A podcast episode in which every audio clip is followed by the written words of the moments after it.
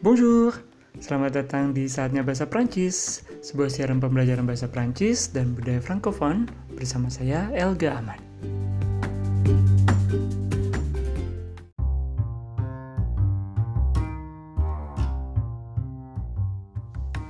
Minggu lalu, kita sudah membahas tentang karakteristik kata benda atau nominal dengan genre feminan.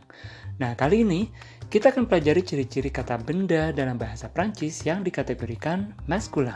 Oke, c'est parti. Berikut ini adalah akhiran-akhiran yang memberi tanda bahwa kata benda berjenis maskulin. Semuanya ada delapan ya. Jadi yang pertama, akhiran age atau age. Contoh katanya, un voyage. Yang kedua, akhiran al, al. Contoh katanya, un journal.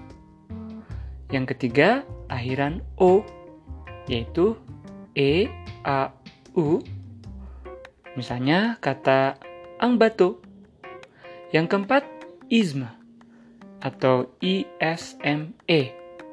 Contoh katanya un romantisme.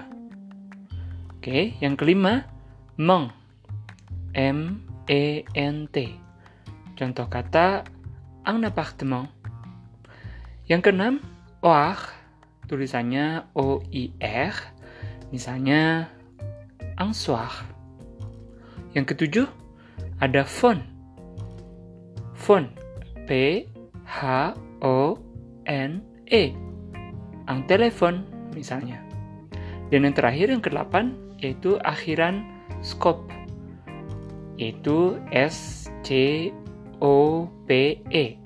Misalnya kata ang stetoskop. Gimana? Sudah jelas? Sudah dicatat? Seperti biasa, saya sudah cantumkan juga di deskripsi ya. Nah, sekarang mari kita baca sama-sama uh, daftar kata yang sudah kita tulis tadi ya. Oke, ikuti setelah saya. Répétez après moi. Un voyage. Un journal. Un bateau. Un romantisme un appartement, un soir, un téléphone, un stéthoscope. Ah, très bien, bagus. Seperti itu. Lalu, tips mengingat, seperti yang juga saya sampaikan di episode sebelumnya, yaitu jika kalian membuat atau mencatat kosakata dalam sebuah daftar, misalnya ya seperti bikin kamu sendiri gitu ya. Jadi selalu sertakan artikel pada tiap kata benda yang teman-teman tulis. Oke? Jika ada pertanyaan, seperti biasa, kalian langsung saja buka podcast titik elga strip ahmad ahmad titik.